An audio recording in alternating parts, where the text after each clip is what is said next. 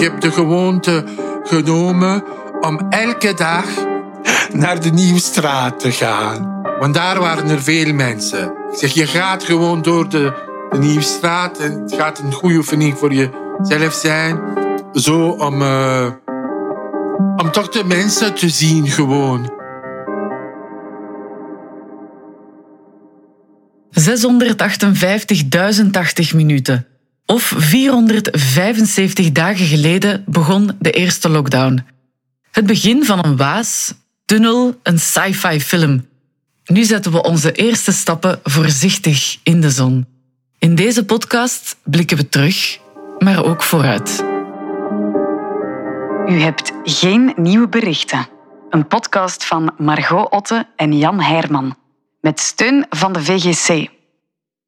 Ja, ik ben uh, Peter en ik ben uh, 66 jaar en ik woon al, je moet hard nadenken, 40 jaar in Brussel. Ik. Ben uh, Hassan, ik ben bijna 47. Uh, ik ben momenteel invalide, maar ik ben vertaler-tolk van opleiding. Heel verschrikkelijk. Sultan mijn kat is ziek gevallen. Heel zwaar ziek. Ik was in alle, in alle staten. Voilà. En ik heb hem naar de dierenarts gebracht. Hij, heeft één, hij is één maand bij de dierenarts moeten blijven. En de dier, ik ging elke dag mijn kat gaan bezoeken. Ik, ging, ik bracht hem wat hij het liefst had voor het eten. Hij eet graag komkommer en meloen. Dat is een speciale kat, hè? Echt waar. En ik bracht hem mijn t-shirts elke dag, zodanig dat hij mij, mijn, uh, mij kan uh, herinneren. En de dierenarts die zei tegen me, we moeten een beslissing nemen. Als iemand zoiets tegen jou zegt, dan denk je natuurlijk aan, uh, voilà, aan de dood. Zeg niks van mevrouw. Hij gaat genezen. U gaat alles doen wat u kunt doen. En ik heb gebeden, want ik ben ook gelover. Hè? Voilà. Kan me niet schelen, dat past ook samen. Maar ik heb ook voor hem veel gebeden. En gelukkig en uiteindelijk, na één maand, heb ik Sultan kunnen uh, recupereren.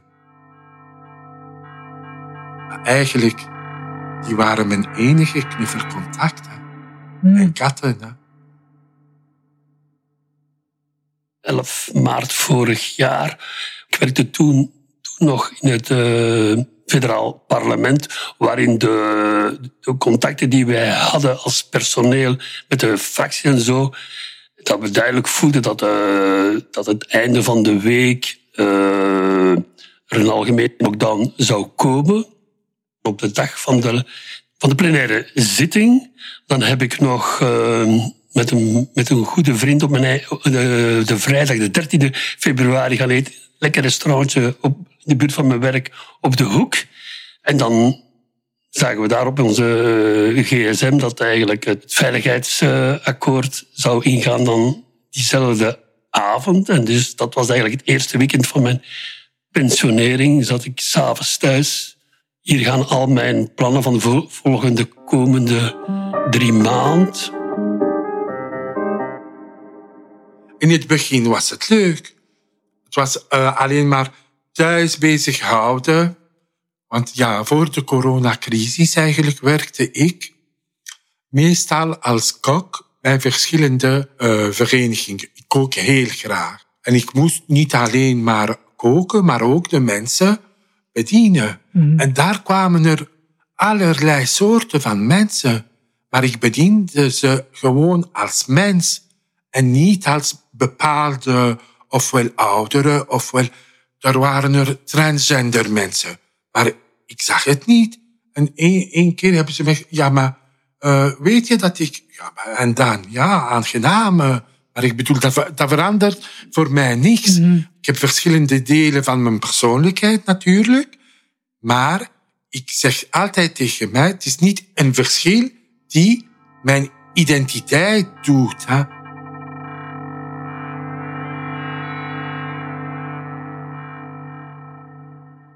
Dat was- ineens was het allemaal gesloten. Ongelooflijk, maar eh, we hebben allee, geen eh, contact gehouden, want in het begin was het dat iedereen thuis in de grote periode van de, de lockdown. eh, ja, ik heb geen oorlog gekend. Ik heb wel eh, getuigen van oorlogen eh, gehoord. Onder andere in, de, in deze verenigingen. Mhm. Maar ook van mijn grootouders. Die hebben de, de Rivijnse oorlog eh, gekend. De Spaanse oorlog. De Indochine-oorlog ook. Dus eh, ik heb getuigen gehoord. Dus ja, voilà. Maar voor mij, zo ineens thuis blijven. Maya, maya, maya. Dat was echt moeilijk.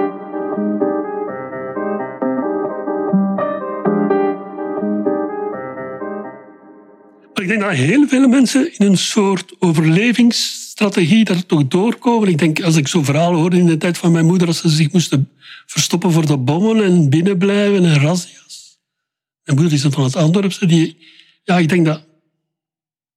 Daar komen we toch dicht tegen, zonder dat we... We wonen wel niet in de Gaza, maar kunnen maar zeggen, er zijn geen bommen, maar, maar het toch... Mhm. Het was toch...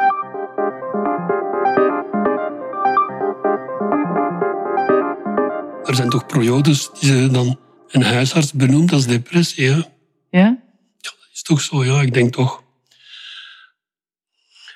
Een maand nadat mijn moeder is gestorven, maar ik had dat al door van de eerste dag. Dat is toch het ergste wat je kan overkomen. Ik heb dat... Ik was eigenlijk heel blij dat ze op een... Dat ik erbij was en dat ze op een hele vredige manier heeft kunnen sterven met de, met de hulp van haar huisarts. Waardoor er, echt geen pijn meer op haar gezicht lag. Ik was echt heel opgeluid blij als ik thuis kwam in de zetel. Omdat dat ook aanzien is bij een heel besmette persoon komen, heeft dan beslist dat de kinderen die week niet bij mij thuis kwamen, omdat dat moesten ze eigenlijk iedere keer op en af met een chloorgel met voor en na douchen. Hè. Er komt een, zo lijkt de verpleegster. Dat is, als je daartoe komt, je kleren uitdoen, ander- iets aandoen en dan je kleren aan, naar thuis, de kleren in het wasmachine 24 uur laten drogen. Ja, dat was een heel systeem. Maar voor mij ben ik dan daarna toch echt in een... eh, Ja, dat was toch... Dan heb ik toch echt... eh,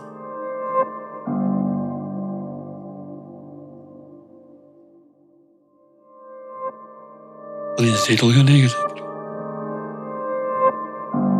Ja. Veel mensen toch. En, daar, en daarna komen de praktische dingen rond. Dat is allemaal niet zo gemakkelijk.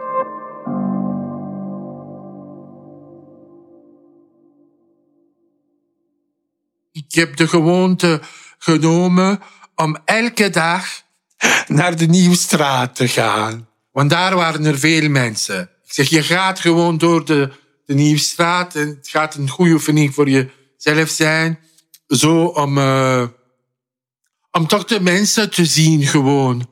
Ik heb het zo gedacht. Ik zeg, je gaat lopen en ik zeg, je bent geen beest. Hè? Je moet de mensen zien. Je moet de mensen... Voilà. Ja, ik ging ook graag naar de Rommelmarkt. Om, eh, ja, ik, ik, ik ben eigenlijk verhuisd drie jaar geleden naar eh, waar ik nu eh, woon, in de Marollewijk. Ja, tuss- tussen de Zaverwijk en de Marollewijk. Op de Rommelmarkt gaan was voor mij een hobby, maar tegelijk een beetje te veel, want eh, nu moet ik mij een beetje onthouden ik spreek heel graag met de mensen eigenlijk. En die, die handelaars, met de tijd, ik ken ze. Dus voor mij ook... eh, ik, ik verstond het niet eigenlijk eh, toen het eh, niet toegelaten was. Allee, ze, ze waren ook voorzichtig eigenlijk. dat was niet te verstaan eigenlijk. Nu is het opnieuw toegelaten. Des te beter. Maar dat is ook, hoe zou ik zeggen een sociale plek van Brussel. Ik woon ook in een buurt met andere, nog oudere mensen. En, die, en daar is er toch zo'n zo soort systeem. Als er iemand naar de winkel gaat, dat je vraagt Ah, ja. aan de buurman, heb je nog iets nodig, dan pak je dat mee. Daarvoor knikten we gezellig tegen elkaar. Hè, hoe gaat het, zoiets. Maar nooit geen gesprek. En nu komt elkaar tegen en begint al te... Is er toch meer, ja, denk ik. Dus dat is Vroeger dan- sprak je misschien met mensen af in het café. Mhm. Of hoe kwam... Iedereen heeft zijn cafés. En dan krijg je dan dat de mensen naar het café komen met gedacht... Rond, die, rond dat uur is, is ieder die. Ik weet niet of dat bij de jonge mensen nog zo is. Maar dat is, dat is nog altijd zo. Een beetje, je weet, in dat café zal die ongeveer rond dat uur zijn. En misschien zit hij op een ander uur. En dan kom ik daartoe. En dan kan ik de die zien of de die zien. Dus op dat, in dat vlak is er sinds de middeleeuwen niet veel veranderd. Denk. ik. Allee, ik denk Nee, nee, nee, nee. in onze wereld, of in heel de wereld, denk ik, wordt er toch zo... Mhm. Ja, dat klopt. Dat of klopt absoluut. Hè, er zijn misschien mensen die eh, voor hun, voor hun hutje op, een- op, aan een vurken op een bankje zaten, dan komt er iemand anders rond voor, voor iets. Maar, maar wij werken toch zo'n beetje, toch?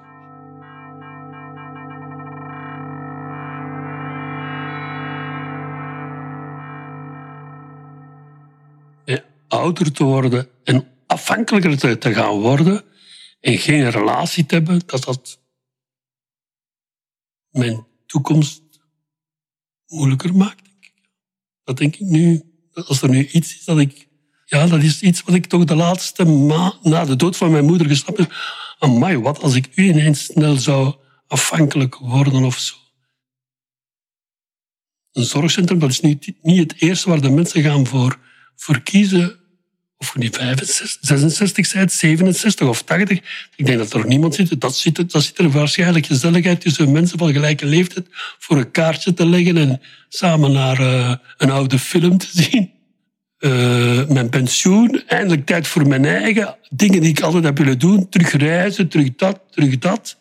Dat valt dan in dat jaar weg. En dan nu zit ik... Wat binnen tien jaar, ja.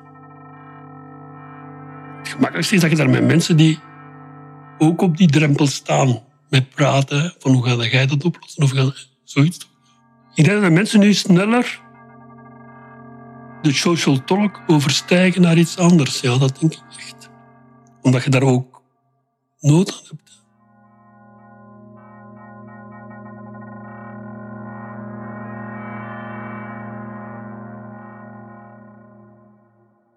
De, de eerste keer dat ik mijn neefjes eh, teruggezien heb, zeg, voilà, ik was aan het huilen, want het was te lang geleden.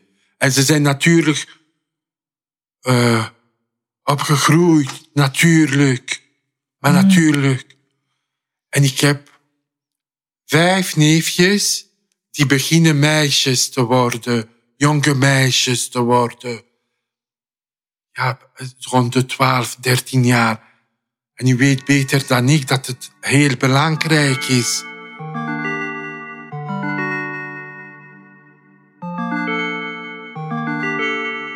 Zeg, nee, maar vandaag is het de laatste dag van de Rommermarkt. Ik moet daar gaan. Ja, maar je hebt alles. Nee, ik weet het, maar ik moet daar gaan. En dan ging ik daar en ik sprak met hun. Ik zeg, ik ga jullie echt missen. Het is gelijk eh, als ik afscheid nam van familieleden. En heb je ze nu al teruggezien? Ja, ik lachte ongelooflijk. Ik zeg, maar waar waren jullie verborgen? Echt waar. En nu, voilà, nu is het terug open op weekend, dinsdag en donderdag. Maar ik zeg tegen mijn eigen, je mag daar gaan, maar altijd iets nuttig eh, kopen en niks van uh, allee, te rommelen of zo. eh. Ik probeer mij toch een beetje te, ja, te disciplineren, te beheersen.